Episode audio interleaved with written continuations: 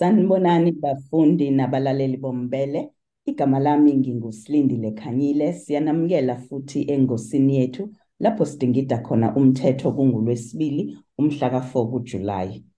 UJulayi inyanga yamadoda eNingizimu Afrika kanti ngalesi sikhathi sizogxila ezihlokweni zomthetho ezithinta kakhulu amadoda. Namhlanje sibheka udaba oluthinta ukuthi Yimiphi imigudu okufanele ilandelwe amadoda uma ngabe kuyiwona okusuke kufanele akhokhelwe isondlo?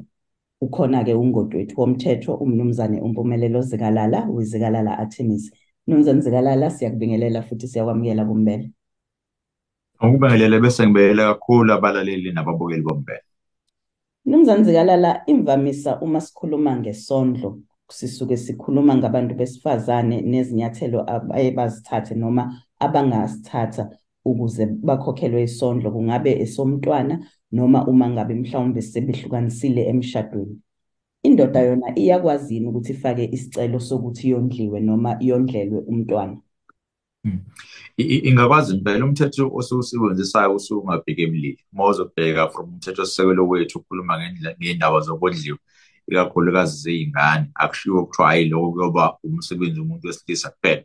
Kuye kuthiwa noma ngabe umzali azi ukuthi nawe uzokondla. Bese kuze emthethweni-ke la esuke ethi khona akondle ongowothandiweyo wakho noma ispouse noma umuntu umuntu omyeni wakho. Yebo nakhona futhi kusuke kungabheki ubulili kuthiwa hhayi wena uzohamba uyokondla uma ngabe isidingo sikhona. Imithetho emibili-ke leso bese siyayibheka sine-maintenance act ebheka ukondliwa kwey'ngane nakhona ubulili abubhekwa bese kuzoba khona umthetho obizwa nge-maintenance of surviving spouse act esuke kuvumela ukuthi uyondliwe noma ngabe kuthiwa kwakho akasekho emhlabeni kodwa khona kuncane akushiye. Bese uthi hhayi ngoba besishadile phela ngendlela ebesishade ngayo ngicela ukuthi kube khona okuzokhishwa kuze kunina njengoba kade kukhipha njalo ngenyanga ngesikhathi sisakhona. Hleze ngisho-ke la ngithi abagade-ke eh angifuni ukusebenzisa leli linye igama. Abesifazane abadala abasuke besondleleni bezothanda nabantu abathanda babe bancane ngoba nakhona uma ukhombisa ukuthi akhona ama-e-wallet kade iphuma nemali kade ikhokhwa ye-rent unelungelo leyo kade uzwana naye ukuthi ahambe aye ku-estate yakho noma kulowo muntu ongamele i-estate yakho athi hayi ngicela unginikeze okuncane la bekhona akade angifakele kuyona umala eh ngicela ukuthi uqhubeke wenze njalo up until i-estate izifike ekugcineni bese bese bese bese kuphelile. Kodwa nje uphendula umbuzo wakho kabanzi noma kafishane. Yebo umthetho usuke ungabhekanga bulili. Uyakwazi ukuthi nawe wena wesilisa bese kuthiwa uyondla. Umgudu noma imigudu elandelwayo nanoma ngabe hlobo luni lwesondlo indoda esuke ifuna ukufaka isicelo saso kungabe iyafana yini umuntu okusuke kufanele aye nayo enkantolo? Eh uphatha ini. Kufana ncamashi zokhumbula ukuthi uma usufika enkantolo khona umuntu ekuthiwa i-maintenance office uzofika kusiza ucishe afane nomshushisi-ke yena ozokwazi ukukholekthela le information ayihlanganisa. Bese ahamba afika yethula noma ekhombisa enkantolo kwenzela ukuthi umahluleli noma imantshi ukwazi ukubotha isondlo efana ngabe uyasithola noma usitholile. Once saphatha igama elithi inkantolo into esuke sihamba phambili ubufakazi so into efanele uqiniseke ngayo ukuthi ubufakazi bakho bukhona.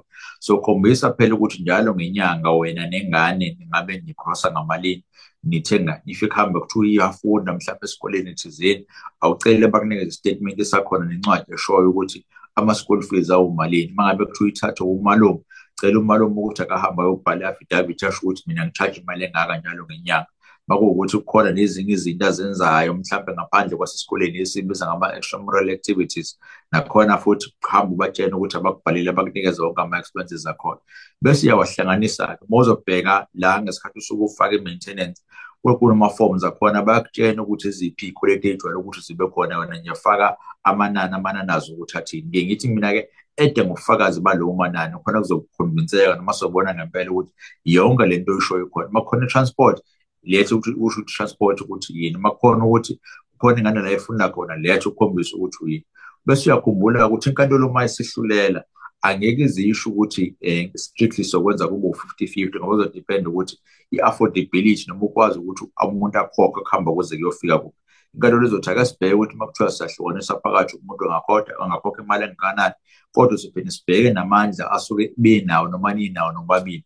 Lo namandla amaningi yena uzothi hayi awukhokhe kakhulu ngoba into esiyifunayo kahle kahle la ubhekela iy'dingo zey'ngane.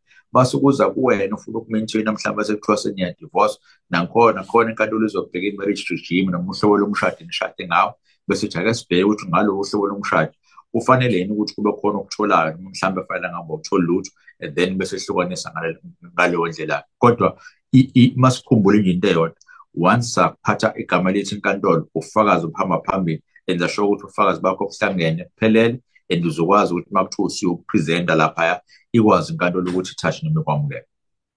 Kungabe mhlawumbe eh mnumzane Zikalala ngokwazi kwakho njengomuntu okhona embonini yomthetho amadoda akusukumela kangakanani ukuthi ayoyifaka lezi icelo ngoba sike sizwe nje uma ngabe kusuke kukhulunywa ngodaba lokuthi amanye amadoda ayahlukunyezwa.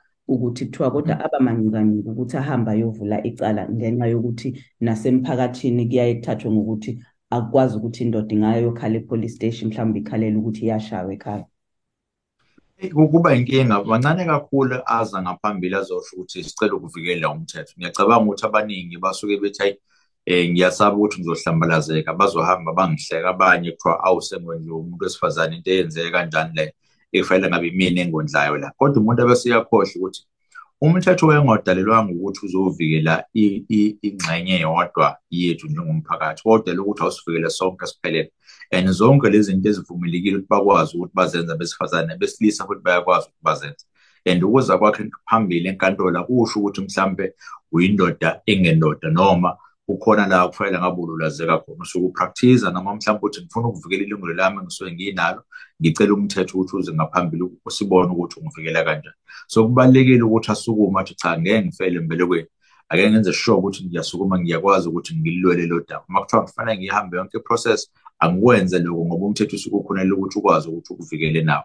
Musa ukuhlala bese uyahlukumezeka kanti buzokwazi ukuthi ulithole usizo. Ikakhulukazi la khona i-maintenance noma isondlo usuke usifunela ingane lapho-ke akusekona ngawe sekumayelana nengane and iyona-ke la fanele uyibheke khona ukuze izinto zakho zikwazi ukuthi zihambe ngohlelo Mnumzane Zikalala njenganjalo siyabonga kakhulu ngesikhathi sakho. Kubonga mina kakhulu nibe nosuku oluhle. Lowo bekungumnumzane umpumelelo Zikalala wezikalala attorneys siyabonga.